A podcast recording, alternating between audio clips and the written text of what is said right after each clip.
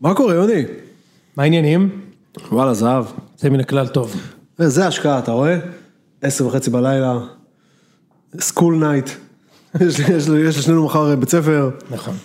והנה שנינו כאן כדי להקליט אה, פרק נוסף של מי שישמע. פרק 2, סרט ההמשך. כן, שתדעו שהתלבטנו בין מי ישמע לבין מי שישמע. כן. עד שגילינו שיש פודקאסט שנקרא מי ישמע. לא.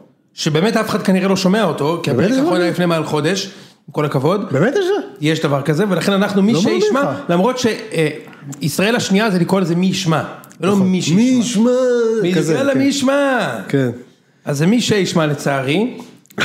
והנה אנחנו כאן באמת בפרק יש כזה 2. פודקאסט? יש פודקאסט. וואי, גדול, לא ידעתי את זה. כן, יש פודקאסט כזה. כמו שאתה רואה, השקענו בתחקיר. מה, בדיוק, בדיוק. אה, זה של האחים ווינקלבוס. תכף הם כן, יבואו אלינו כן. ויגידו שגנבנו להם כן, את בדיוק, ה content. טוב, בדיוק. אז ששו, אה, פרק הקודם אה, היה פיילוט. נכון. לא כל כך ידענו מה אנחנו עושים. בניגוד לעכשיו שאנחנו פשוט שוחים בחומר בצורה מדהימה. אנחנו עדיין לא יודעים מה אנחנו עושים, אנחנו מנסים ככל שהזמן יעבור כמה שיותר להביא את עצמנו לתוך הבלבולי ביצים שיהיו פה. לפרמט את זה יותר. לפרמט, לפרמט. אה, ומה הכנת לנו היום? היום הפרק הוא בסימן אה, סרטים מעולים שהיינו רואים אותם, אה, גם אם לא היו מעולים, רק בגלל שהלוקיישנים מדהימים. יפה. קליט, קליט. בבקשה. התלבטנו איך לקרוא לפרק הזה. הלכנו על משהו זכיר. הלכנו על משהו זכיר. אז הטייטל הוא סרטים שמאוד מאוד אהבנו, ולו רק בגלל שהם לא, לא רצינו- בלוקיישנים מדהימים. בדיוק, לא רצינו להגיד סרטים כל כך טובים, לא, סרטים ששווה לראות בגלל הלוקיישן שלהם, כי זה נשמע כאילו הם גרועים. נכון. לא, הם טובים, אבל הם מאוד זכירים בגלל הלוקיישנים שלהם. נכון. אז יש לנו כמה סרטים שהכנו לכם היום. כן. אה, ואני מוכרח להגיד שאני מרגיש שאני כבר בבעיה. מדוע? מכיוון שאנחנו בפרק 2, והיום אני הולך לשפוך, יחד עם השלושה מהפרק הקודם, צמד הסרטים שלי היום, מרכיב 50% מה top 10 favorite movies of all אני אגיד לך time. למה, כי אתה מבלבל פה בין ה pod הזה לבין חיים שכאלה. זה לא עליך, יוני. בסדר? ה pod הוא לא עליך. בסדר? אנחנו לא עושים פה את ה... למה לא?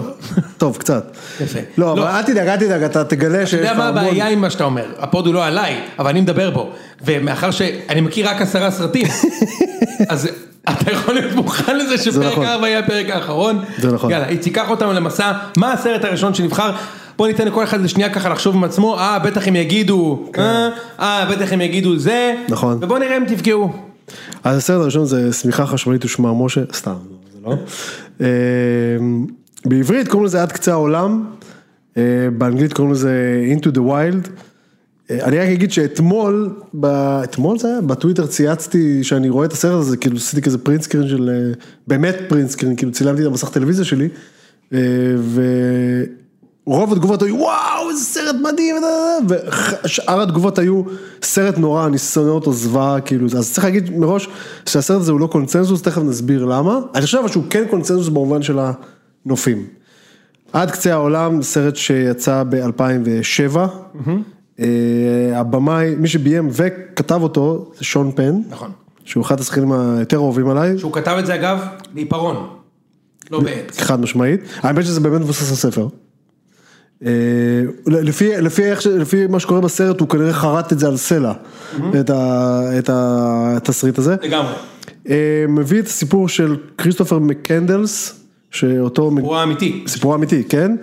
הסיפור, הסרט קורה, מתרחש בתחילת ה nineties, זה כזה בעצם 90 עד 92, משהו כזה. כריסטופר מקנדלס, אה, בחור שמסיים בהצטיינות את האוניברסיטה, את, האוניברס... את, ה... את הקולג' שלו באטלנטה, הוא בא ממשפחה ככה נורא מוצלחת, נורא מצליחה, אבא שעבד בנאסא, אה, אבא ואמא עם קריירות, הם גרים בפרברים, משפחה לבנה, גרה בפרברים, הרבה כסף, לכאורה משפחה מושלמת, אחר כך אנחנו מגלים שזה לא בדיוק ככה. אה, הבחור הוא סופר אקטיביסט, כאילו סופר מוזרי, סופר מוסרי, אפשר להגיד כמעט בהגזמה. על התחלת הסרט, יש שם איזה קטע אתה כבר קולט שהוא קצת שונה הבחור הזה, יש שם איזה קטע שהוא, אתה יודע, הוא הרגע סיים תואר, ואבא שלו, שהוא בחור, אבא שלו מגלם אותו וויליאם הארט, אבא שלו נורא strict כזה וזה, והוא אומר לו, תשמע, הוא נוסע באיזה מכונית דאטסון ישנה, דאטסון זה מה שהמותג שאחר כך התפתח לניסן, מכונית יפנית גרוטה, אפילו אז ב-1990, והוא אומר לו בוא אני רוצה לקנות לך, סיימת אוניברסיטה, אני רוצה לקנות לך אוטו חדש, והתגובה שלו זה, למה שאני ארצה אוטו חדש, כאילו, מי, מי ירצה אוטו חדש, כאילו. בקיצור זה בן אדם ש... בחור צעיר, בן, שם הוא בן 21, משהו כזה, שכל הבלי העולם החומריים וכל זה עושים לו פריחה בגוף, הוא מנסה לברוח מהם, מי שמשחק אותו זה אמיל הירש. מכיר את אמיל הירש? מכיר אותו מהסרט הזה? הוא לא- הגרסה הצעירה והיפה של ג'ק בלק. נכון, האמת שיש משהו. יש המון. כן, והוא גם אח של הכדורגלן שחר הירש? כן. אה, הוא שחקן מעולה, מעולה, הוא לא עושה המון לא, אל סרטים תגזים, אגב. הוא לא עשה קריירה לא. שחר הירש. לא, נכון, חלוץ מעולה, כן. אה, אמיל הירש, הוא שחקן באמת טוב, הוא שיחק, ב- הוא לא שיחק בהרבה סרטים, אבל הוא שיחק בכמה ממש טובים במילק. כן, גם ה- שון פן. גם שון פן, ש- שון פן משחק, וגם בהיו זמנים בהוליווד, הוא שיחק אפילו בזה, אבל האם ראית אותו בסרט Alpha Dog? אתה ראית Alpha Dog? ראיתי וואלה לא- לא זכור לי. זה הסרט העוכר שלווה על הבחור ההוא שחטפו אותו והרגו אותו סתם כשיימם לכמה חבר'ה בלוס הס- ג'סטין טימברלייק? זה בדיוק, זה הסרט שהוכיח שג'סטין טימברלק יכול להיות שהוא אחלה זמר, אבל הוא אחלה שחקן. הוא שחקן אדיר. שחקן אדיר, אחי, עזב אותך מכל המיקרופונים והשטויות. הוא פשוט entertainer. פשוט- entertainer. שחקן מדהים. כמוך. גם בציון שלוש וגם במי שישמע. וגם סטפס, סיפרת להם שאני רקדן סטפס מדהים. כן. קיצור, אני לא אתפלא. כן, קיצור, אז אמיל הירש, הוא הבחור שמגלם את הזה, והוא מגלם אותו הרבה זמן, זה סרט של שעתיים וחצי, שברובו רואים אותו. בגדול מה שקורה זה שהיה לך את הסרט, אה, אמיל הירש מקנדלס, משמיד את כל הכרטיסי אשראי שלו, יש לו איזה 24 אלף דולר בתחילת הניינטיז, זה גם די הרבה כסף, ב trust fund שלו כזה, בכסף של ההורים שלו שמרו ללימודים, הוא תורם אותם, הוא תורם, משאיר לעצמו איזה 300 דולר, והוא פשוט יוצא לטייל בעולם, אה, משאיר לעצמו איזה 300-400 דולר, יוצא... רק בארצות הברית, לא? כן, כן, סליחה, בארצות הברית. אה, והוא לא מודיע לאף אחד, הוא פשוט נוסע עם האוטו שלו, הוא לא, נעלם. כן, הוא- כן, הוא נעלם. ובעצם זה מה שלא יודעים שהוא אמיתי או לא, כי בעצם הוא פשוט נעלם, אז כל מה שקורה שם זה fiction, בטיול עצמו. כן, אבל לצורך העניין, מבחינת ההורים שלו, הוא הוא עבור, אה, אה, לאורך הסרט, אחותו עושה כאילו את הקריינות של הסרט. בדרך הוא פוגש אה, הרבה מאוד אנשים, כל אחד מהאנשים האלה מפציע לחיים, בחיים שלו לא, לא על הרבה זמן. לפעמים זה קצת מרגיש שהאנשים ב, שהוא פוגש אותם, הם, הם קצת מפריעים לו בדרך להשיג את המטרה הגדולה שלו, המטרה הגדולה שלו זה להפשיט את עצמו מכל סממן של החיים המודרניים ולהתאחד עם הטבע. אם זה נשמע לכם קצת אה, מעצבן ופלצני וזה, זה קצת כזה. הסרט הזה ברשימה שלנו כי הנופים הם מדהימים, מטורפים, הוא, הוא עושה בעצם, דו- דופק כזה את הרוחב של ארה"ב, הוא מגיע לנוף דקוטה. אין הרבה דברים יותר יפים מהטבע של ארה"ב. מדהים, זה. מזכיר לך כמה, כשאתה יודע, אתה חושב על ארה"ב, ישר אתה חושב על הניאון בטיים סקוואר, נכון. אבל בעצם זה הרי הרוקי ובקולורדו ונהרות וג'ונגלים ויערות וחיות פרא וקליפורניה. והמדבר של אריזונה, של- של- לכל המקומות האלה הוא מגיע, המדבר של אריזונה והמטרה שלו הסופית זה להגיע לאלסקה, הוא- הוא הוא משיג אותה. אמ, הוא עושה את זה עם איזה אוטו כזה. בהתחלה זה עם אוטו, האוטו שלו, ואז האוטו שלו פשוט נסחף ונשבר איפשהו, והוא כזה ממשיך בטרמפים וכל מיני כאלו. הנופים הם מדהימים, במיוחד הנופים ש- שנראים בשלג, זה קצת כמו ה- האיש שנולד מחדש עם דיקפריו, רק בלי... אגב, גם זה חשבתי להכניס לפה. רק בלי, כן, רק בלי הקטע שאתה הולך מכות עם דוב ואונס אותך אינדיאני. כל הסרט אגב סרט אדיר עם סרט נופים. מדהימים. זה בנופים הקרים הם מאוד דומים. אה, זה נורת דקות כן, של כן, אינדיאנים. כן, כן, כן, במיוחד עד שהוא מגיע בסוף, קולורדו, גם הערים של קולורדו, וכל זה, הוא מגיע בסוף גם לאלסקה כאמור. אמ, אבל זהו, אז זה המטרה שלו בסוף, בדרך הוא עובר, יש לו כל מיני אפיזודות כאלה שהוא עובד בקצת כל מיני בורגרקין כאלה כדי, ככה איזה חודש, כדי לאסוף בכל זאת קצת כסף, הוא שונא כסף, יש אפילו סצנה שהוא שורף את הכסף שלו, יש שם המון קטעים מעצבנים. אני חושב שבגלל זה הסרט הזה הוא לא ממש קונצנזוס, כי הסרט הזה ככה, יש כמה אנשים שזה ככה, אתה יודע, בא להם לא כל כך טוב. אה, יש כל מיני שחקנים נורא מגניבים שעושים כזה הופעות קטנות בסרט, וינס וון משחק שם איזה נכון. חקלאי עם קומביין שמארח אותו לאיזה שבועיים, זקה גלפינקיס, משחק שם כמה דקות, איש לא מצחיק, זו הפעם הראשונה בחיים שלו שהוא על מסך והוא לא מצחיק. אה, הוא חובר שם על איזה זוג של היפים, אה, בסוף, אה, הפסקול שם מדהים. גם אנשים שלא עפים על הסרט הזה, או לא משתגעים מהנופים, ובאמת צריך להיות בן אדם מאוד מאוד ציני בשביל לא להתלהב מהנופים. הפסקול הוא מדהים, מי שאחראי לו זה אדי ודר, מפרל ג'ם, אני לא כזה, אני יודע שהוא נחשב מדהים, אני יודע, כן. אני לא כזה עף, סתם כי אני לא, לא עף על פרן ג'ם באופן כללי ועל ודר באופן ספציפי, אבל הוא מוזיקאי מדהים, וזה מורגש לא, לאורך הסרט, בכלל יש שם אפילו כל מיני שירים ישנים בסרט, שנוצרו הרבה לפני הסרט, וכאילו מרגישים ממש כאילו נולדו בשביל הסרט הזה. אה, סרט שנגמר טרגי, הסיפור של הבחור הזה. אנחנו נותנים את הספוילרים? כן, תשמע. כן. אני לא חושב שאפשר לדבר על זה בלי זה, אתה מבין? כי בסרטים שלי אני לא משוכנע שאני אתן את הספוילרים המלאים. אין בעיה, אוקיי, אין. בעיה. אמ, אתה יכול, אתה יכול. בסוף בגדול זה נגמר בזה שהוא מוצא איזשהו אוטובוס נטוש באיזה שמורת טבע מאוד קיצונית באטלנטה, באלסקה, והוא חי שם. הוא חי שם איזשהו זמן, חי על הטבע, על דגים שהוא מוציא מהנהר, על צבעים שהוא הורג, שהוא צד והורג אותם וכאלו, ואוכל אותם. אמ, באיזשהו שלב אבל הוא קצת מסתבך, כי הוא איכשהו עובר שם את החורף, אבל דווקא אחרי החורף, הנהר שמפריד, זה באלסקה, הנהר שמפריד בינו לבין ההתחלה של הציוויליזציה, אחרי החורף הוא עולה על גדותיו, הכל מפשיר, ואז הוא נהיה בלתי עביר, ובעצם בעצם הוא די כלוא בשמורה שבה הוא חי כרגע. ובהתחלה זה דווקא די סבבה לו עד שהוא מבין שהשק אורז שהוא בכל זאת היה לו כדי לחיות עליו לפעמים הולך ואוזל והוא פשוט מתחיל להיות מאוד מאוד רעב.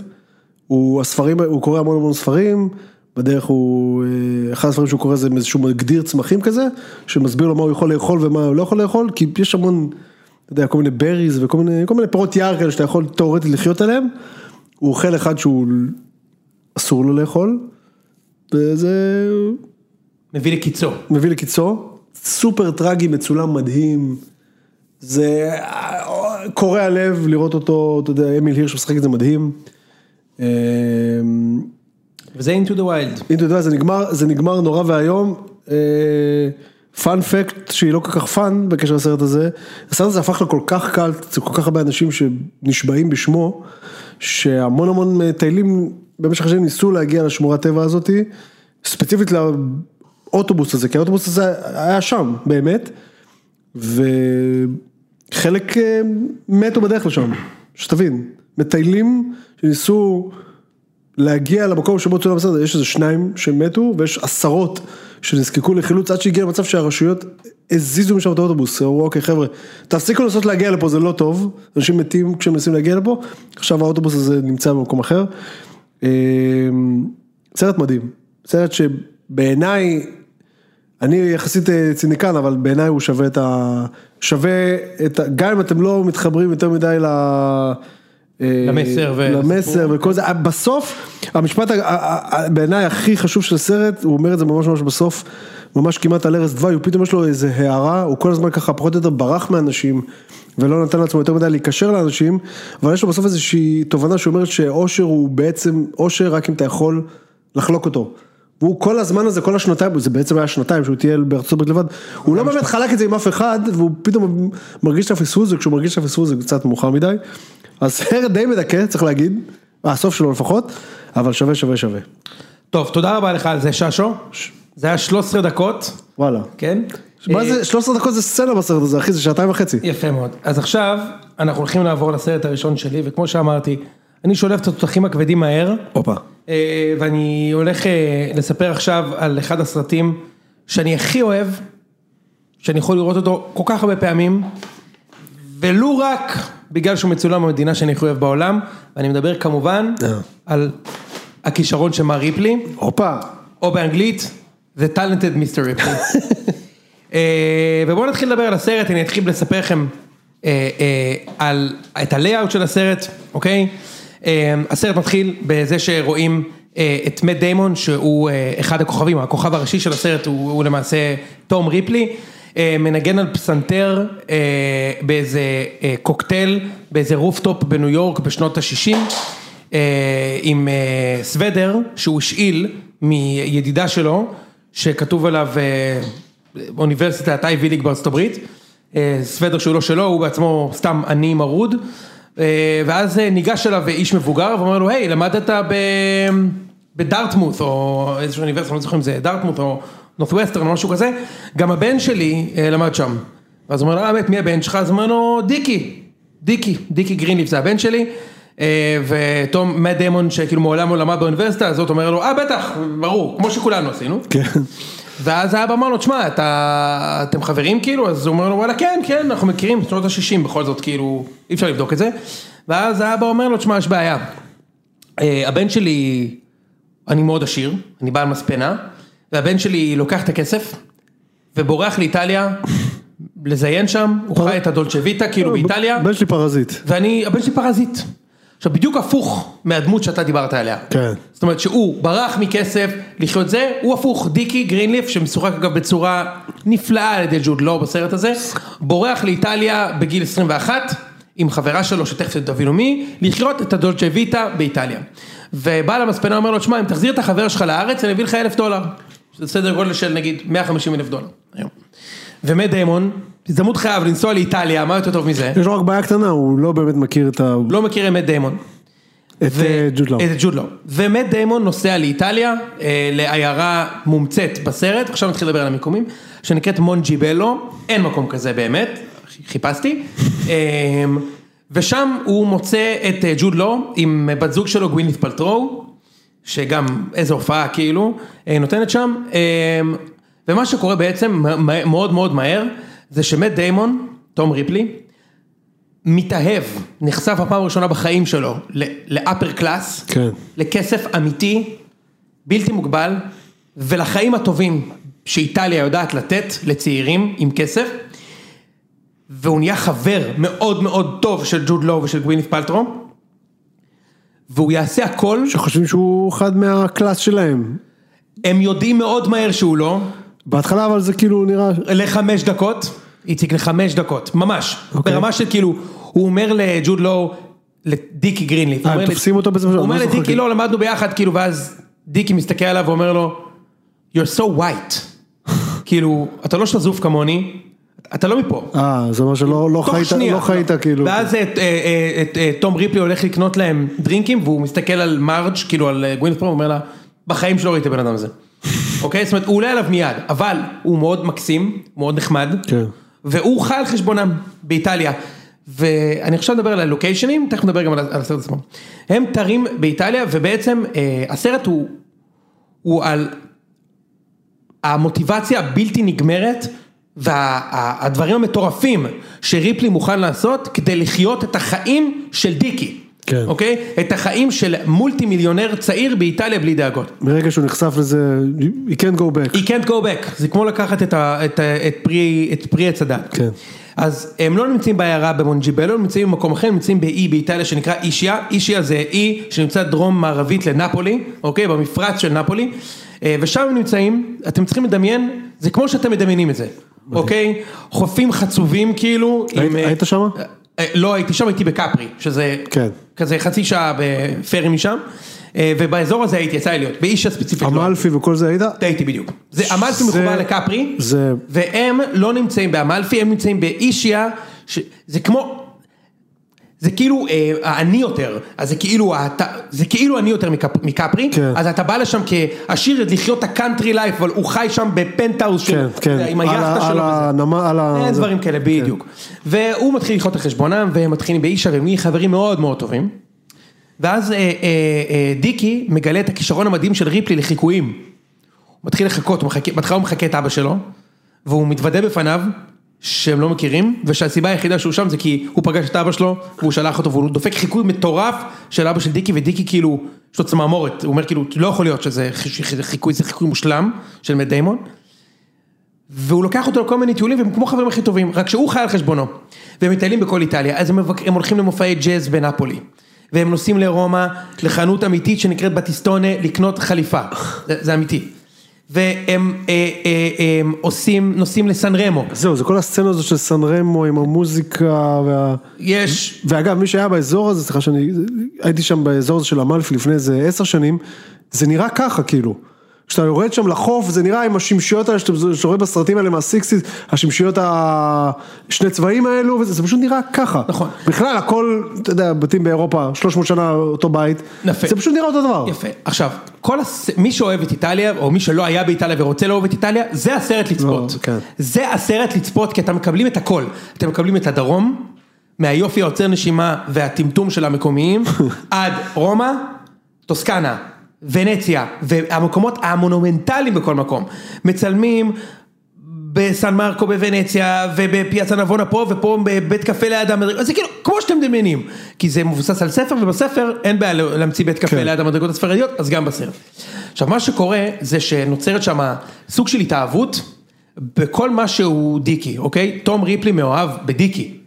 ודיקי מתחיל לרדת לו ממנו. קצת להילחץ מזה, כן. הוא לא בקלאסה שלו. הוא לא באמת מדבר את השפה.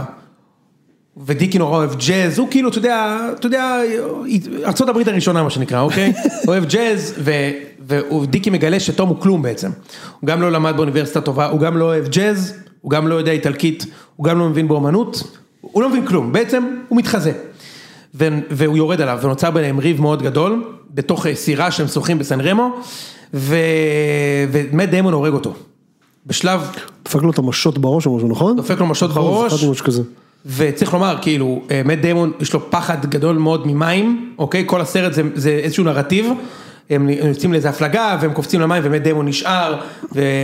וזה אנשים שחיים ביאכטות. חצי מהחיים שלהם. בדיוק, והוא לא, הוא, הוא, הוא מפחד ממים והם, קל להם במים ודיקי מתגרה בו במים ואז מאט דיימון נכנס לטרף ודופק לו משות בראש, וזו סצנה מזעזעת, כן, שכאילו, מאוד, פתאום כן. מסרט דרמה זה נהיה סרט אימה. כן, כן, ממש. ואז קורה דבר מדהים, אנחנו אגב אפילו לא, לדעתי אנחנו באמצע הסרט, אוקיי? כן. הוא זורק את אה, ג'וד לו, את דיקי, למים, ולוקח את הדרכון של דיקי, מדביק את התמונה שלו, והוא גונב לו את הזהות. מביים התאבדות, זה בעצם, פה בעצם מתחיל החצי השני של הסרט, כאילו שבו הוא בדיוק. חי את החיים שלו, הפעם ליטרלי את החיים שלו. הוא חי את החיים שלו, כולל זה שבת זוג שלו, שהיא יודעת מי זה ריפלי, אומרת לו, תקשיב, אני יודעת שאתה רצחת אותו. זאת אומרת, עכשיו זה לא מבוסס על כלום, היא לא הייתה שם. היא פשוט אומרת, שמע, אתה, אתה מסוג הפסיכופטים, שתהרוג את בן זוג שלי, הרי בן זוג שלי לא התאבד. הבן אדם אהב את החיים, אוקיי? הבן אדם כאילו, כן, הוא היה מזיין כל היום, הוא היה בוגד בי, הוא היה שומע מוזיקה ג'אז, והוא היה עושה סמים, אבל הוא לא מתאבד. בטח לא בגללך, הוא בטח לא כתב לך מכתב אהבה כשהוא התאבד, כמו שאתה הראת לי. ומתחיל מרדף של השוטרים ושל חוקרים פרטיים אחרי הזהות של תום ריפלי, של, של דיקי תום ריפלי, כאילו של ריפלי, כשבעצם יש אנשים באיטליה, האמריקאים העשירים באיטליה, יודעים מי הוא. זאת אומרת, כן, הוא זה- לא... הוא מאוד מוכר בסצנה המקומית של החבר'ה הצעירים שמסתובבים עם כסף. בתור האמריקאי שהיה חבר של דיקי, עכשיו הוא הוא לובש את הבגדים של דיקי, חי בדירה של דיקי, וכל הזמן מספר להם שדיקי בדיוק נעלם, דיקי ב', דיקי שם, דיקי פה, דיקי... והתאווה שלו לתוך זה מובילה אותו בסופו של דבר להיות, להצטרך לקבל החלטה סופית, אני- אנחנו לא נגיד לכם מהי, למקרה שמישהו רוצה לראות עד הסוף, לקבל החלטה, יש לו, יש לו, הוא מגיע לצומת מרכזי, בה הוא צריך להחליט, אני דיקי או אני ריפלי. והוא יכול לחיות את שניהם בשלווה, זאת אומרת, הוא יכול להיות דיקי בשלווה, for good, והוא יכול להיות ריפלי, וכל הדבר הזה לא קרה. והוא מקבל שם החלטה, תראו את הסרט, לא פשוט, לצפייה, אחד הסרטים האהובים עליי בכל מובן, אוקיי, גם אה, המופגנות של ה class מול כן. חוסר ה class, מאוד בולט, צורת המשחק והרעב של מאט דיימון להשיג את ה class, וכל זה קורה במדינה כמו איטליה, זה מוסיף לזה הרבה מאוד. אה, אחד, פשוט אחד הסרטים הכי טובים שראיתי ואני מאוד מאוד ממליץ. אז זה שלי. nice. אז היינו בכמעט כל ארצות הברית, היינו באיטליה, עכשיו אה, אסיה. תן לי את זה. החוף, סרט משנת 2002, דיקפריו. מי לא ראה או ראתה את החוף? מי לא ראה או ראתה? אה, זה סרט שיצא שנתיים שלוש אחרי אה, טיטניק. אז סביר להניח שהיו, ראו אותו מיליונים של נערות טינאייג'ריות שרצו לראות את ש- שאהבו דיקפריו. גם את All Saints. היה כן. שם את השיר. אמו ונמה וואי, זה אותו דבר, זה הסרט של השיר של הסרט. הסרט, הבמאי זה דני בויל, אה, טרנספוטינג, סלאמדוג מיליונר, לא זוכר איך קוראים לזה בעברית. כן, כן, אה, נער השעשועים. נער מבומביי, משהו, כן. אה, זה היה לפני שהוא, אה, אה, בטח הוא, בטח הוא יכעס מאוד אם הוא ישמע שפודקאסט ישראלי אה, דיבר עליו, הוא לא כל כך אוהב אותנו. אה, זה סרט בשנת 2000, צריך להגיד שאני הייתי כאילו, אני עצמי הייתי בתאילנד קצת לפני שנת 2000. וראיתי פעמיים אחרי שנת 2000, וזה היה, באחת הפעמים היה את החוויה הסוריאליסטית של לראות את הסרט הזה, ב... לא יודע, קילומטר מהחוף שבו הוא צולם, כאילו, זה צולם בקופיפי, באי קופיפי בתאילנד. נכון, הייתי שם. אמ, אה, אז הסיפור, דיקפריו אמרנו. דיקפריו, ריצ'ארד, ככה קוראים לסרט, נער אמריקאי, בן 20 וקצת, הוא כזה, הוא קצת כמו הגיבור שלנו, כמו אמיל, אמיל הירש מה- מהזה הראשון, שכאילו, הוא קצת משתעמם מהחוויה הרגילה של תייר. בתאילנד, שעושה דברים שתיירים עושים בתאילנד, של לנסוע בטוק-טוק והוא מחפש איזה, הוא מחפש, הוא מחפש אה, לעשות דברים קצת יותר, אה, יותר אמיתיים, ויום אחד בגסטהאוס בבנקוק, כנראה בקוואסאן רוד, הוא מכיר אדם, אה, בחור מוזר בשם דאפי, בחור, אה, שמכור לסמים, סוג של, מכור לסמים, סוג של ג'אנקי וכנראה גם קצת, אה, קצת משוגע. והדאפי הזה נותן לדיקפריו מפה של אי מסתורי, שבאי הזה הוא אמור למצוא המון המון גראס בשפע, וגם קומונה של כל מיני אנשים אה, צעירים נחמדים ומגניבים.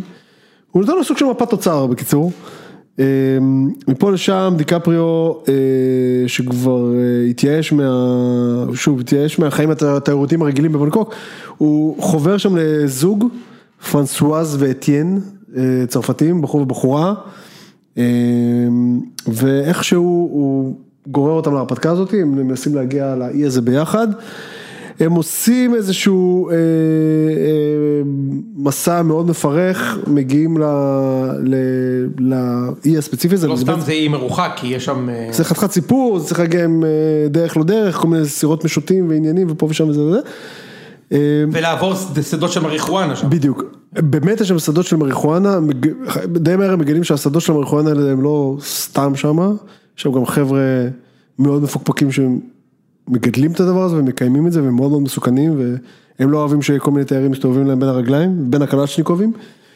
אמ, אבל זה בסדר, זה קורה, הם מגיעים לקומונה הזאת, שוב צריך להגיד, אנחנו בקטע של לוקיישנים, זה מצולם בחלק של האי קופיפי שהוא, אני הייתי שלוש פעמים בתאילנד ובכל מיני מקומות, זה באמת בי פאר המקום הכי יפה שהייתי בו בתאילנד, זה מדהים. אני וענבל, אה, כשהתארסנו, אז אה, יומיים אחרי האירוסין, נסענו לשבועיים לתאילנד והתחלנו בארבעה ימים בקופפי. וואלה. ולקחו אתכם, כי אני, כשאני הגעתי לשם אחרי ה... לקחו אותי לקשת הזאת. זהו, אבל זה שאתה יורד לחוף, קופצים לך ילדים בתאילנדים ואומרים לך the beach, the beach, the beach, ואתה אוקיי, כן, לא, סבבה. אתה היית ב-2002, אני הייתי ב-2016. אז אה, נכון. לא, אני הייתי פעמיים אחרי שנת 2000, כן, אבל קצת אחרי הסרט. זה 2016, לא, זה לא היה גם, זה היה אחרי, היה שם, היה שם איזה... לא, זה כבר, אתה גם היית כבר אחרי הצונאמי. כן, זה זה כבר. הרס שם כמה דברים. היה שם הכל. אין שם- אין במיוחד שם. כאילו, יש רק בונגלוסים. כן.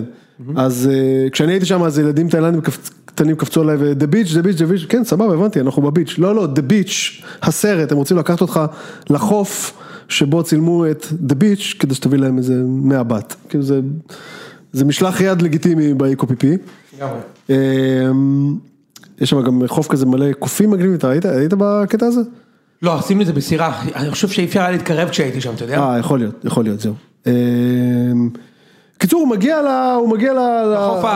לחוף המדהים הזה. והכל אמת, המפה נכונה, החוף אמת. הכל נכון, יש שם, הוא מוצא שם סוג של אירוויזיון, יש שם עשרות אנשים מעשרות לאומים שונים. זה נקרא קומונה, זה הגדרה. כאילו. קומונה, כן, זה אנשים שבעצם חיים שם, מקיימים את עצמם, בונים לעצמם את המחסה, דגים, דגים ואוכלים אותם, מגדלים, לא יודע מה, אוכל ואוכלים אותו. שוכבים אחד עם השני. לגמרי, זה קומונה אה, 100 מ-100 מה שנקרא. אה, ובהתחלה, בהתחלה הכל טוב, הבעיה, הבעיות מתחילות אה, כש, כשמישהו מנסה לשבור עליהם קצת את האוטופיה הזאת. ועל זה בעצם הסרט. באיזשהו שלב, כאילו כשהכל טוב אז הכל טוב, אבל פתאום אם מישהו חולה, ועכשיו הוא צריך טיפול רפואי, זה קצת בעיה להביא רופא, כי המקום הזה הוא סודי, אבל הבן אדם הזה חולה, אז מה נעשה עכשיו? אז מה שהם עושים, אה, זה פשוט לתקוע אותו איפשהו ביער, כי כשהוא צורח מסבל, אז לא נשמע את זה, כי אנחנו פה משחקים כדורעף על החוף, זה מבאס. אה, וזה מה שקורה בעצם, זאת אומרת לאט לאט, אתה, בעצם הסרט הזה בעיניי מספר על זה שאנשים הם אנשים הם אנשים, זאת אומרת אם אתה זבל, סליחה, אז אתה זבל גם ב... כשיש- חוף טחול וחול לבן מסביבך, אה, ומרוב, ולפעמים מרוב שסימנת את המטרה כל כך חזק, אתה שוכח שאתה יודע, זה לא בכל, בכל מחיר, אה, בכל מחיר לה- לה- להגיע אליה. אה, אני מצאתי הקבלה קצת פופוליסטית בין העלילה של הסרט הזה לבין אנשים שבימינו מכחישי קורונה. כי כאילו יש את האנשים האלה שאמרו כן זה מחלה שפוגעת בקשישים ובאנשים עם מערכת חיסונים חדשה ואולי הם קצת חולים וזה, תרחיקו אותם ממני אני רוצה להמשיך לחיות את החיים הסבבה שלי וכל זה וזה זה, זה, זה קצת כזה אני רוצה עכשיו לשבת בבית קפה סלאש אני רוצה עכשיו לחיות בחוף המדהים שלי וזה, כן. באיזה שלב הכל שם כבר ממש מסתבך, אה, דיקפריו שהגיע לחוף עם הזוג צרפתים האלה בעצם זוכה בליבה של הצרפתייה הזאת והחבר שלה עדיין תקוע איתם על החוף הזה, צריך לראות עכשיו איך הבחורה שהוא נסע איתה מצרפת לתאילנד בזרועותיו של דיקפריו וגם יש שם, יש שם דברים שהם הם, הם קצת, הם, הם כאילו סוריאליסטים, יש איזשהו קטע שפעם באיזה כמה זמן, פעם באיזה חודשיים כזה הם שני, מוציאים איזה משלחת של שני אנשים לחוף הכי, לעיר הכי קרובה כדי להביא ציוד שהם חייבים שם וכאלו ואז אתה קולט איך למרות שכולם שם בקומונה נורא נהנים בעצם הם ממש רבים על הזכות להיות אלה שייסעו יומיים לאי הקרוב נגיד אה, לא יודע מה נגיד קוסמוי הם ממש ממש רוצים קצת קצת בכל זאת איזושהי משהו מזכיר ציוויליזציה אבל רק שניים יכולים לנסוע, הם יושבים שם איזושהי הגרלה ובסוף האלה שנוסעים גם, אז מקבלים רשימה של אתה חייב, אתה, אתה חייב לקנות לי בדרך וכל מיני דברים שהם מבקשים מהם הם הכי כאילו גשמיים וחומריים, אתה חייב להביא לי סוללות, אתה חייב להביא לי קונדומים, אתה חייב, כאילו, בסוף האנשים האלה שנורא נורא רצו לה- להרחיק את עצמם ולנתק את עצמם, הם בעצם קצת בכל זאת מתגעגעים ל- לציוויליזציה. כן, תראה, אז אני אני חושב שהסרט הוא בגדול סרט די מבולבל. אני הסרט קיבל ביקורות נוראיות, צריך להגיד, הוא סרט שלא, כאילו, מבחינת מבקרים הוא אני מאוד חושב לא שהוא הצליח. בחירה מצוינת לרשימה שלנו פה. כי הלוקיישן והסינמטוגרפיה. היא יוצאת מן הכלל טוב. ואני יודע שאומרים רק יוצא מן הכלל למי שלא יודע זה רפרנס לעולם אחר, היא מדהימה, סבבה? אה, אבל הסרט עצמו, אני נהניתי ממנו מאוד, 45 דקות. ואז it just went down. החלק השני. החלק השני נוראי. אני מזכיר, החלק השני הוא, כשהוא מתחיל להתחרפן, מסתכל על זה שהוא כבר מתחיל הוא מתחיל להסתובב שם, הוא מבין לדמיין, כן. וזה איפשהו בין סרט אימה לסרט פילוסופי, נכון. לדרמה רומקו, אה, דרמת אה, תשוקה, וואלה, לא. אבל כשהסרט הזה נוצר לפני 20 שנה, 21 שנה, הוא ידע שיום אחד הוא יהיה בפודקאסט שלנו, ולכן, ולכן הוא כאן. ולכן הוא כאן. אז זה הסרט השני, החוף. עכשיו, אני רוצה לדבר איתך על הבחירה שלי הבאה. בבקשה. אוקיי? ותוך כדי שדיברת על החוף שמתי לב למשהו שאני, אתה יודע, אני אולי אקשור ואשזור את חוט השני בזה הרגע, להבדלים, ה- פתאום נהיית לי דן כנר בו. ב- להבדלים, אני, יכול לעשות את זה. כן. אה, להבדלים, ה, אני מנסה לחשוב האם הבחירות שלנו מעידות על, האופי שלנו או על מה שאנחנו אוהבים בקולנוע, אוקיי? יש מצב שאני אוהב בקולנוע בחורות בביקיני על החוף. כן. אני לא שולל את או האפשרות הזאת. במקרה הראשון, גברים אה, שנוסעים גברים שאוכלים. אה, כן. אמ, פירות אתה יער. בחרת בעצם שני סרטים, אני פשוט בשוק, תקשיב, אני תוך כדי שדיברת, פתאום אני קולט, כי את הבחירות שלי אני ידעתי, אני ידעתי שאני הולך לקשור פה חוט, אבל הבחירות שלך לא. אתה בחרת שני סרטים על גבר, שבא לו לברוח מה modern civilization, civilization, והוא הולך אל תוך הטבע. כן. אוקיי? into the wild, עוזב את כולם, הולך לתוך הטבע, דיקפריו נוסע לחוף, ואומר וואלה גם זה לא מתאים, אני רוצה אחד עוד יותר עוד לאקסטרים." יותר קיצוני, כן. הבחירה של הסרט הראשון שלי הייתה על ההבדל בין, על זה ש low class לעולם לא יהיה high class, ועל זה ש low class יעשה הכל להיות high class, אוקיי? אה, to, to desperate measures, אוקיי? כאילו to an extreme extent, דיברנו על זה שמט דיימון הורג מישהו כדי לחיות את החיים של ה upper class. ועכשיו אני הולך לדבר על הסרט השני, שגם הוא ברשימת top עשרה של סרטים שאני הכי אוהב, ואני אסביר מדוע, מיד, כי זה לא יכול להיות מפתיע, ואני גם בטוח שהרבה מכם לא ראיתם את הסרט, ולכן, אם יש סרט אחד שאני ממליץ לכם לצאת ממנו ולראות, כדי לדעת, וסליחה, הפודקאסט הוא לא עליי, אבל אני יכול לדבר בו, כדי להכיר, להרגיש שאתם מכירים אותי, אה. אז תראו את הסרט הבא, והסרט באנגלית נקרא Match Point, ובעברית הוא נקרא נקודת מפגש, אוקיי? זה תרגום אה, שחוטא. למשחק מילים שהם ניסו לעשות פה. לגמרי לגמרי נקודת מפגש נשמע כמו סרט נוראי ו Match Point זה משהו מעולם. נשמע כאילו שקברת עם חבר שלך בסמי בורקס בשנות ה-80. זה לגמרי. נקודת המפגש שלנו, כשהם מתכוונים ל Match Point בהקשר של טניס. נכון מאוד. אה, הסרט הזה הוא סרט של וודי אלן שאני לא אוהב סרטים של וודי אלן במיוחד לא את הישנים. אני חושב שהסרט את הזה הישנים אתה לא אוהב? ממש לא ממש לא. הסרט הזה הוא הסרט הראשון של וודי אלן שאהבתי ואחר כך אהבתי? גם, כן, ואחר כך אהבתי גם כמה מהיצירות האחרות שלו כשהוא הפסיק לצלם בניו יורק בגדול, אוקיי? מה, כל הברצלונה, ויקי ברצלונה? אהבתי את זה מאוד, כן, וואלה נהניתי. תשמע, אה, רומא love זה סרט מהנה מאוד, זה לא סרט טוב, ודווקא פריז בחצות פחות אהבתי, אבל אני אוהב את, את ה location ואת האווירה לגבי הערים שזה נמצא, ויכולת לבחור את כולם. אבל אני בחרתי ב Match Point, אה, מבחינת ה location, אנחנו מדברים על עוד location שאני אישית מאוד מאוד אוהב, שזה לונדון, כל הסרט מצולם ב, בלונדון, למעט סצנות בודדות שמצולמות באיזה אחוזה ב, ברדינג. הם, ואתם חושבים וודי אלן, אתם חושבים שאני מדבר על איזה, בטח על איזה אה, קומדיה אה, אבסורדית. ו... מעניין אם, סליחה שאני קוטע אותך, מעניין אם מודיעין התחיל לצלם באירופה זה הסרט הראשון שלו מחוץ מחוץ- מאז שבארצות הברית הוא נחשב קצת, אה, לא, זה היה ב-2005. לא קשור. אני חושב שזה היה, אה, זה הסרט הצולם לפני שהיה של הסיפור בארצות הברית, לא?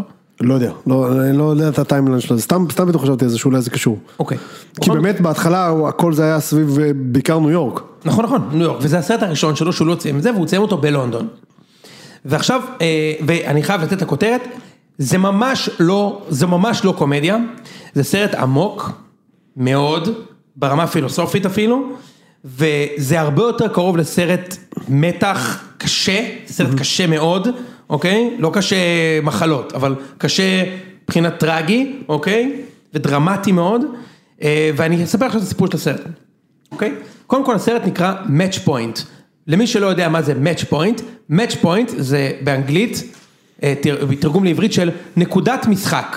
מה זה אומר? בטניס, כאשר מישהו נמצא, צריך לנצח תמיד, כאילו, בהפרש של שתי נקודות את היריב שלך, כשמישהו נמצא ביתרון נקודה, והוא מגיש, זה נקרא Match Point, ויש לו הזדמנות לנצח זה את לא- המשחק. זה לא בהכרח אם הוא מגיש לדעתי, זה פשוט אם אתה נכון, לוקח את נכון. הנקודה הבאה. כן, כן. אם אתה לוקח את הנקודה אם אתה לוקח את הבאה, הנקודה הבאה זה שלך, עכשיו יכול להיות גם 100 match point ים במשחק אם אתה כן. לא לוקח אותה ומשלים לך, אבל אם אתה לוקח אותה זה match point. והסרט בעצם מתחיל, סצנת הפתיחה של הסרט, רואים אה, טניסאי, נותן serve של match point, או כמעט של match point, ואז יש אה, קריינות שאומרת, הכ- הכדור אה, טס, פוגע ברשת וקופץ למעלה, ואז אומרים, יכולים לקרות פה עכשיו שני- שני סנריוז, או שהכדור נופל בצד של היריב, ואז אתה מלך, כן. או שהכדור נופל בצד שלך, ואתה לוזר. ולך אין שום השפעה על מה שקורה לך לקרות עכשיו. זה רק מזל. ככה מתחיל הסרט. ככה מתחיל. עכשיו, מי, וכל הסרט, מה שמלווה את הסרט הזה, זה הגישה, קודם כל הסרט אה, אה, אה, מדבר המון על החטא ועונשו ברפרנסים, כולל אירועים שקורים שם, אבל נשים רגע את זה בצד, האמונה, אם אתה בן אדם שמאמין במזל, בקטע טוב, לא קמעות ומזלות. זאת אומרת, משחרר ומבין שהחיים שלך הם אקראיים לחלוטין, ויש המון דברים שאין לך שליטה עליהם, זה הסרט בשבילך, אוקיי? ועכשיו אני אסביר על מה הסרט, ותראו, תראה את הרפרנס המטורף לסרט הקודם שלי וכמה זה שונה ממך. אוקיי. הסרט, רגע, אתה צפית בסרט איציק? כן. אוקיי. הסרט מגולל אה, את הסיפור של, מדר... של אה, טניסאי בינוני, אוקיי? אה, שהוא בן אדם אירי, מקורק, שעלה ללונדון, והוא מאמן חובבנים בחוג הטניס היוקרתי ביותר בעולם, The Queen's Park, זה מקום אמיתי. והוא מאמן טניס שם, ומי מגיע לחוג הטניס היוקרתי ביותר בעולם? הנודרים הגדולים ביותר בעולם. כן. והוא מאמן טניס, אה, בחור בשם אה, תום ווילטון, שהוא, כמו שאתם מדמיינים, בריטי, posh וחתיך, מפוצץ כסף. מפוצץ כזה הוא, אוקיי? טיפ טופ של הטופים, douchebag, חי את החיים וזה, והוא מלמד אותו טניס. והוא חתיך טילים, המ- המדריך טניס, זה- ג'ונתן ריס מיירס אגב, ששיחק ברומא בסדרה, אה, הוא חתיך פיגוזים, והם נהיים חברים. וגם ג'ונתן ריס מיירס בא מכלום. רואים אותו בתחילת הסרט, שוכר דירה, ב- הוא- אה, אה, מזרחית ל West Ham כאילו, כאילו zone 4 של לונדון, באיזה 1200 פאונד בחודש, ואתה אומר אלוהים אדירים, כאילו איזה עיר מגעילה, כאילו כן. 1200 פאונד למדריך טניס כדי לגור 50 דקות ב- ב- במטרו מה club כאילו. סבבה, הוא מתחיל לאמן אותו טניס, והוא נהיו חברים, ואז אה, תום אומר לו, תשמע, אה, קריס, קריס זה המדריך טניס, בוא אליי, אני הולך לאיזה מסיבה. הם הולכים למסיבה, אה, וקריס אה, מסתובב שם באיזה וילה, במסיבה פרטית שיש רק בלונדון וניו יורק. אוקיי? אתם צריכים לדמיין כאילו בית פרטי באמצע לונדון, במרכז, שרק עשירים נכנסים, שותים שם את היינות המשוגעים של כל הנודרים, והוא רואה בחורה פצצה לא נורמלית, משחקת פינג פונג עם עצמה באיזה חדר צדדי, בזמן שכולם עושים סמים ושותים שמפניה בחדר הראשי. וקריס, המדריך טניס העני והעשיר, אבל הכן חתיך, מתחיל איתה בצורה מאוד מאוד אגרסיבית, והיא קצת זורמת איתו, הבחורה הזאת זו סקארלט יוהנסון, הפצצה באופן בלתי סביר. ואני הולך עכשיו להסביר לך את התיאוריה המדהימה שלי שחיכיתי כל החיים להגיד אותה, את האונר. זה, זה נשמע נורא, אבל סורי. הסיבה שסקארלט יוהנסון נראית כל כך טוב, כל כך מושכת בעיניך, ועכשיו, שים לב, היא שד אנושי. פשוט כן. נראית כמו שד. יש, אני מבין מה אתה כל אומר. הצורה, כן. שד אחד גדול. מכף רגל ועד ראש. מכף רגל היא ועד שד. בקיצור, אה, ואני מנסה לא להגיד את זה גם, היא גם- אני חושב שהיא שחקנית מאוד מאוד מוכשרת. שחקנית מדהימה. ובסרט הזה היא- אין דברים כאלה. ראית אותה בסרט עם... אה, איך קוראים לנודניק הזה? יש סרט שהוא כאילו מכור לפורנו. אה, כן, אתה יודע מה התכוון הנודניק הזה? בטח. היא כאילו החברה שלו שמה. בטח. שמע. כן, כן. כן. אוקיי, בסדר. אוקיי. רק רציתי לדמיין אותה שנייה כמה שניות והיא בראש. זורמת איתו. והוא כזה מתחיל איתה ומפלרטט איתה ויש שם סצנה כאילו הוא מאוד קולית כזאת של כאילו הוא גם קולט עליה שהיא לא משלהם, היא לא מהעשירים, היא משלנו, היא כאילו חצי פרחה כזאת כמוני. ואז מי נכנס לחדר כדי לתת לה נשיקה צרפתית? הדוש. חברו הדוש. הוא מגלה בעצם שהוא נדלק על בת זוג של חבר שלו. ועכשיו נהיה פה תשוקה. והוא יעשה הכל כדי גם לחיות בחיים, לזכות בחיים של הבריטיש אפר קלאס, וגם, סלחו לי על המילה, לא לזכות בה. לזכות בה במו- במובן הסקסי של המילה. כן. לא במובן הרומנטי של המילה. בהחלט. אז אה, הוא אה, מתחיל אה, לצאת עם אחות של, ה, של הדוש. והיא בחורה שנראית לא טוב, אבל מהבריטיש אפר קלאס. כן. נכנסים למסעדה, אתה יודע, הוא בחור ממוצע לחלוטין, מבחינת הרקע הסוציו-אקונומי, נכנס עם שלושה דוכסים, בריטים, בני שלושים למסעדה, והם מזמינים כאילו, באהלן אהלן, כאילו, בקבוק של אה, פולינים מונטרשה, לא משנה, כאילו, היין הכי יקר, ואני אקח את הקוויאר, 300, אה, אה, 200 גרם, שזה אלף פאונד, ואני אקח בבקשה את הטלה אה, עוף אה, בן זה, ונכנס אה, האהוב, אומר אני אקח את העוף בלימון. ואומרים לו, תשמע, אתה פשוט, עזבו, תביאו לו את הבליני קוויאר. כאילו, הם כן. מתנשאים מעליו, אבל הוא- נהנה מזה, הוא רוצה לראות את החיים שלהם. הוא מתחיל לצאת עם הבחורה שנראית לא טוב, בתמיכה מלאה אגב של ההורים של המשפחה העשירה הזאת, כי היא מצאה חתן. הם. רוצים שיהיה חתן. והוא ביום אה, גשום אחד, באחוזה של המשפחה, הוא וסקארלט אה, יוהנסון נותנים שם את הביצוע על הקש הוא מה שנקרא הגיש ורץ לרשת, אתה אומר. בדיוק, על החיטה שם באחו, באמת. כן. ושם מתפתח רומן, ובעצם יש פה שני דברים מדהימים שקורים. מצד אחד, הוא מאוד מאוד מתקדם בקריירה שלו החדשה. בתור, לא מדריך טניס, הוא נכנס לעסק בתור המשפחתי. בעלה של. בתור בעלה של עסק המשפחתי. הוא, קודם הוא חי... הם מתחתנים? הם מתחתנים? לא. הם, הם מתחתנים. הם מתחתנים? הם, הם זוג, כן, הם מתחתנים. הם מתחתנים. אה, בטח שהם מתחתנים, בטח שהם מתחתנים. אוקיי. אמ, אני לא זוכר, ראיתי את זה. והוא שוכב עם סקארלט יוהנסון, ו... ו... ואז אה, אחרי כמה שבועות הוא... הם קובעים ללכת לסרט, הדאבל דייט, והוא מגלה שסקארלט יוהנסון והדוש נפרדו. והיא נעלמת לו מהחיים. והוא בינתיים חי את החיים שלו עם הזאתי שלא נראית טוב ובחורה מקסימה. והוא עובר בדירת פח, זה אפרופו. לונדון, לפנטהאוז על הנהר של התמז, כמו שאתה מדמיין, אוקיי? חי את החיים הטובים, אבל מה? אין לו, אין לו את זה. הוא לא מאוהב, הוא לא אוהב מה שהוא עושה. יש לו נהג, הוא מרוויח מיליון פאונד בשנה, הוא שותה הוא פולנים עובד אצל אבא שלה כאילו. מה? הוא עובד אצל אבא שלה כאילו. עובד, קבל שם את הכל ומצליח. אבל לא טוב לו בחיים. ואז יום אחד קורה האירוע הטרגי, מזל אפרופו, הוא- המעלית שלו נתקעת, הוא יורד במדרגות, והוא רואה בטייט, בגלריית הטייט, את סקארלט יוהנסון, אחרי זה שנתיים. ושם מתפתח רומן פסיכי מחוץ לנישואים כאילו שלו איתה. אמ, והוא מכניס אותה להיריון. היא נהיית אובססיבית לגביו. והוא, בדיוק כמו מאט דיימון בסרט הקודם, צריך לקבל החלטה קשה מאוד, האם הוא הולך בשם האהבה, תשוקה, אבל חוזר להיות הבן אדם הלא מוצלח, עם הרקע הלא מוצלח, שחי עם שחקנית אמריקאית כושלת. זהו, גם נשוי לי כבר לא מול מי שלא, כאילו, ולחיות עם מישהי לא מוצלחת, כאילו. מישהי מאוד לא מוצלחת, היא חיה באנגליה, דירת מטר על מטר, שחקנית כושלת, שבאה מארצות הברית כדי להוכיח משהו ולא הצליחה להוכיח- כלום, אוקיי? או שהוא, אז האם הוא הולך אל זה, וחי עם מישהו שבעולם רגיל, אם הם לא היו מכירים בסביבת המיליונרים, זה מאוד נעים ביחד. כן. אבל בעצם, מצד שני יש לו כסף, יש לו בית, עכשיו יש לו מה להפסיד. יש לו מה להפסיד, והוא צריך לקבל את ההחלטה הקשה ביותר בחייו, כשהוא הכניס מישהי להיריון, ואת אשתו הוא לא מצליח אגב להכניס להיריון. וואלה, כן. לא לא זכרתי את זה. כן. והוא צריך לקבל החלטה קשה. אה, תקשיבו, אני לא רוצה להגיד לכם מה הוא מחליט, כי אני רוצה שתראו את הסרט. אני רק רוצה להגיד לכם דבר אחד. מה ש... הפתיח של, ה... של מה שדיברתי על, ה...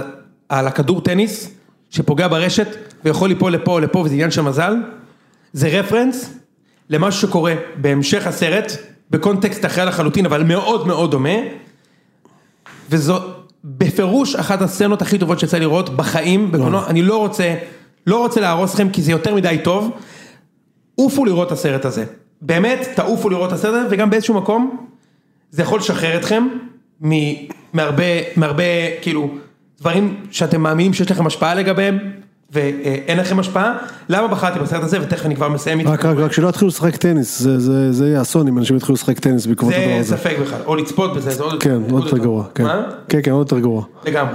אמ, אז הסרט, למה בחרתי בו? קודם כל, זה אחת הערים האהובות עליי בעולם, עיר שהיא מולטי קלטורל, מולטי קולטורל בצורה קיצונית. מה שאני מאוד אוהב בסרט הזה, אני יכול להגיד לך שאותי אישית זה מאוד פיתה. לחוות את לונדון של מעלה, אוקיי? זה משהו שאי אפשר לחוות אותו אם, אם אתה לא מולטי מיליונר או בסרט הזה. אתה לא יכול לחוות, או אם אתה רואה סדרות שכמו Downton Abbey של כן. שנות ה-30. ויקטוריאניות. אם אתה רוצה להיות מודרני ולהיות, להרגיש מה זה להיות מוצלח ועשיר בלונדון, אתה חייב לראות את הסרט הזה. כי אתה נחשף שם לכל מה שטוב בכסף, כן. אוקיי? וב class. הסרט מדבר בדיוק על זה, על תשוקה, class, infidelity, כאילו אה, נאמנות כן. ומזל. זה שילוב מושלם שמייצר סרט מדהים, מה שמשותף לשני הסרטים שלי בניגוד לשניים שלך, זה שהסרטים שלי מדברים על בן אדם ממעמד סוציו-אקונומי נמוך, עם כישרון מסוים, שנחשף לפרי עץ הדעת של class וכסף, ולא יכול להרפות, כן. והמסע שלו לעבר זה. זה מדהים כאילו שזה הבחירות שלי, רק עכשיו קלטתי את זה. נכון, אשכרה. ושלך שבן אדם שבורח ממשהו אחר, סתם, זה, זה מעניין. אצלי זה בן אדם שמחפש פחות. בדיוק, תמיד מחפש בן אדם פחות. שמחפש יותר. כן. גדול. יאללה, אני סיימתי. הסרט האחרון שלנו הוא סבבה, הוא, הוא יהיה שובר שוויון, הוא יהיה match point, כי הוא לא זה ולא זה, מבחינת הנושאים שהיה לנו עד עכשיו. בבקשה. אה, נדבר על קומדיה שחורה ב-2008 שנקראת ברוז', ברוז' העיר בבלגיה, באנגלית זה נקרא אינברוז'. אינברוז', כן, לא יודע למה, לא יודע למה הם הלכו על זה. אה, אתה ראית את הסרט? כן, ראיתי אותו, אבל הזיכרון שלי עמום. אוקיי, צריך להגיד, קודם כל, זה, אמרתי זה מ-2008, זה, זה מה שנקרא קצת, זה די סרט אווירה, הוא התחיל בתור סרט אווירה הרבה בגלל הלוקיישנים, תכף נדבר על זה, והוא נהיה אבל סרט קאלט, די מהר הוא נהיה סרט ממש קאלט. הסיפור הוא על שני רוצחים שכירים בריטים, אה, שנשלחים לבלגיה. קולין פארל? אחד מהם זה קולין פארל, ש... והשני זה ברנדון גליסון, שהוא שחקן מדהים, מדהים, מדהים, מדהים, אתם, יכול להיות שהשם לא אומר לכם כלום, אבל אם אתם, אה, זאת אומרת, ברגע שאתם תעשו עליו Google Images, אתם תבינו שראיתם אותו באלף סרטים, שיחק בלב אמיץ, בלב אמיץ, כנופיות ניו יורק, הארי פוטר, הוא אירי, הוא- והוא נראה כמו אירי. אם אתם יודעים איך אירי נראה, אז ככה. לגמרי. אה, הכי אירי שיש. הכי אירי שיש, אגב סרט מדהים שלו משנת 98, שבאמת אם תצאו מפה עם המלצה אחת מהפרק הזה, תראו את הסרט הגנרל, סרט לא מאוד מוכר אבל מדהים, ומבוסס על סיפור אמיתי, אה, לא משנה, קולין פארל וברנדון גליסון, ריי וקן, שני רוצחים שכירים נשלחים לבלגיה, בגלל שקולין פארל ירה בטעות במסגרת עבודה שהם נשלחו לעשות עוד בלונדון, ירה בטעות בילד והרג אותו. ואז הם בעצם מוגלים, עוד פעם, עוד פעם? קולין פארל ירה בילד, כן. בטעות, והרג אותו, באיזה משימת אה, רצח שכיר ש... אה, שהשתבשה, כן. והבוס שלהם, שהוא רייף, רייף פיינס, רייף פיינס. רייף פיינס, ההוא מהדרקון, מה... כן, דרקון אדום. דרקון אדום. הוא אה, שחקן אדיר. הוא. הבוס, כן, כן, הוא הבוס שלהם. הוא גם וולדרמורט אגב. כן. הוא הבוס שלהם שנשאר באנגליה ואמר להם, תשמעו, הם, הם זוג של, הם, הם כאילו רוצים שכירים שעובדים ביחד, אז הם כאילו סוג של צמד, אז סעו לבלגיה, אני צריך לחשוב מה, מה, מה עושים, מה, מה, מה, מה, מה אני עושה איתכם, ובעצם הם כאילו תקועים בבלגיה ומחכים להוראות. כשהם ספציפית מגיעים לברוז', עכשיו צריך להגיד, הבחירה בלוקיישן, כי ברוז' היא עיר מאוד מאוד מיוחדת באירופה. מדוע?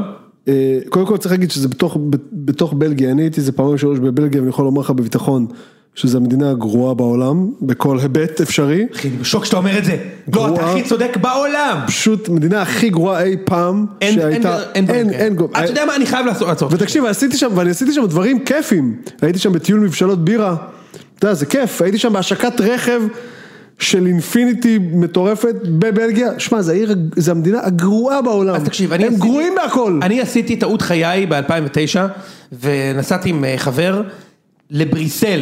וואו. החלטנו שזה יהיה רעיון טוב. חשבת פעם למה כל המוסדות האירופיים הכי משמימים בעולם נמצאים הם. בבריסל?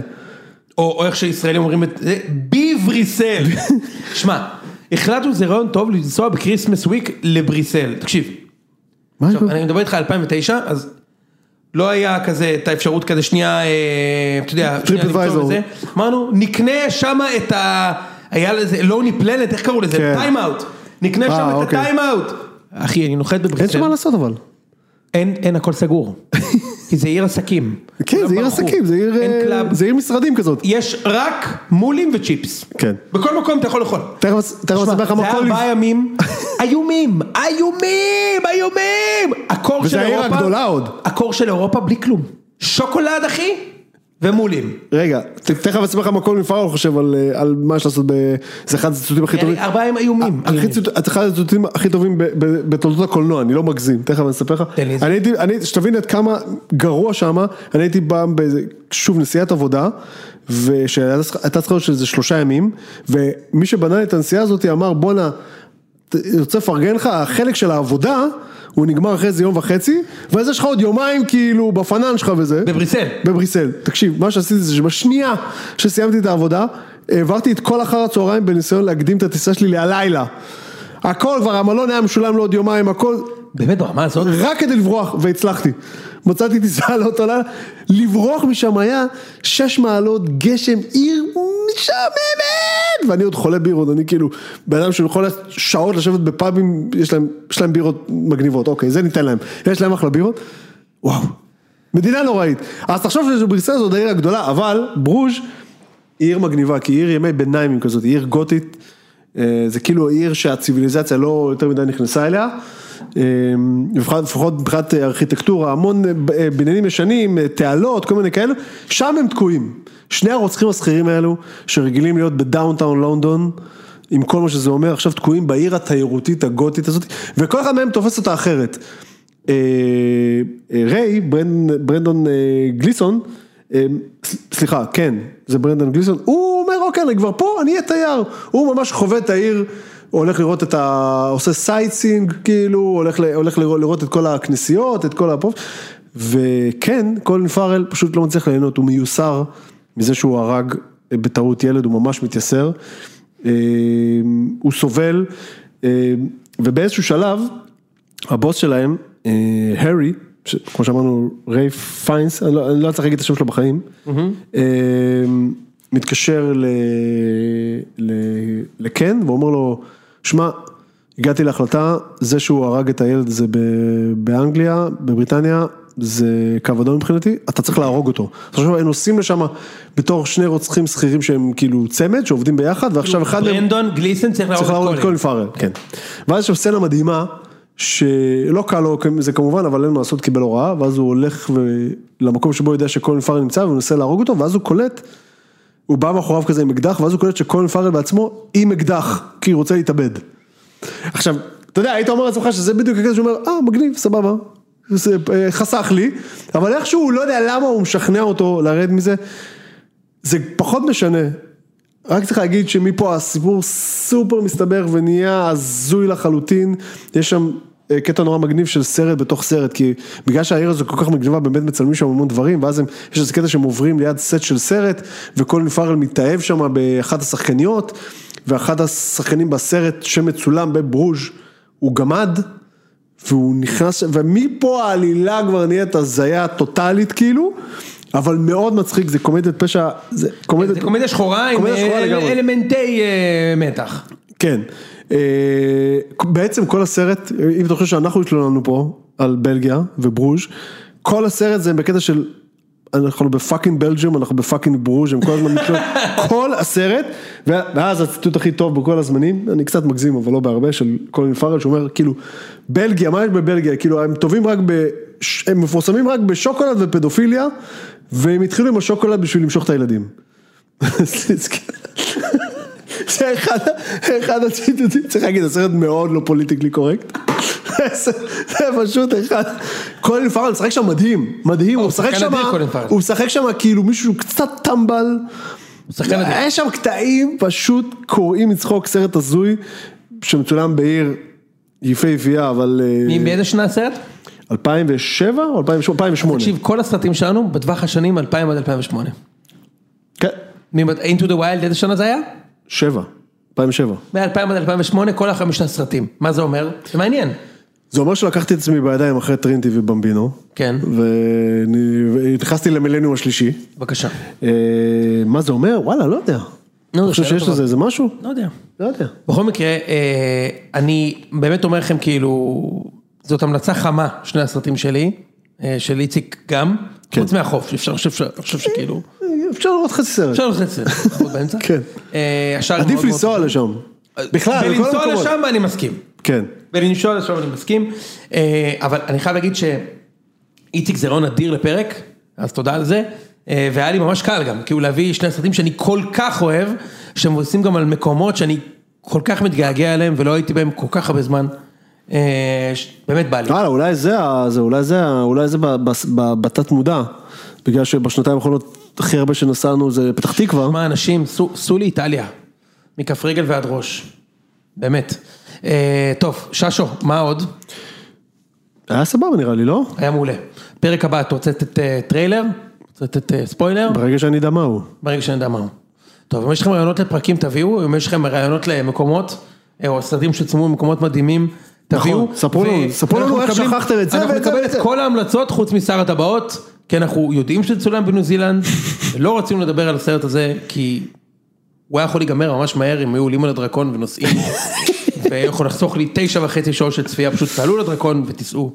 בוא'נה, שכחנו את ה Polar Express, אפילו השם של המקום הוא בשם הסרט. נכון מאוד. אחלה סרט דרך אגב. מעולם לא ראיתי סרט בעברית ולכן אני לא אוכל לעזור לך בנושא הזה, אני יודע שכנראה... לא, זה סרט צרפתי, זה film noir. film noir, אפילו, בטח שראיתי את זה. כן. בטח שראיתי את זה. טוב, תודה רבה. ביי, להתראות. נפגש בפרק הבא של מי שישמע. ביי ביי.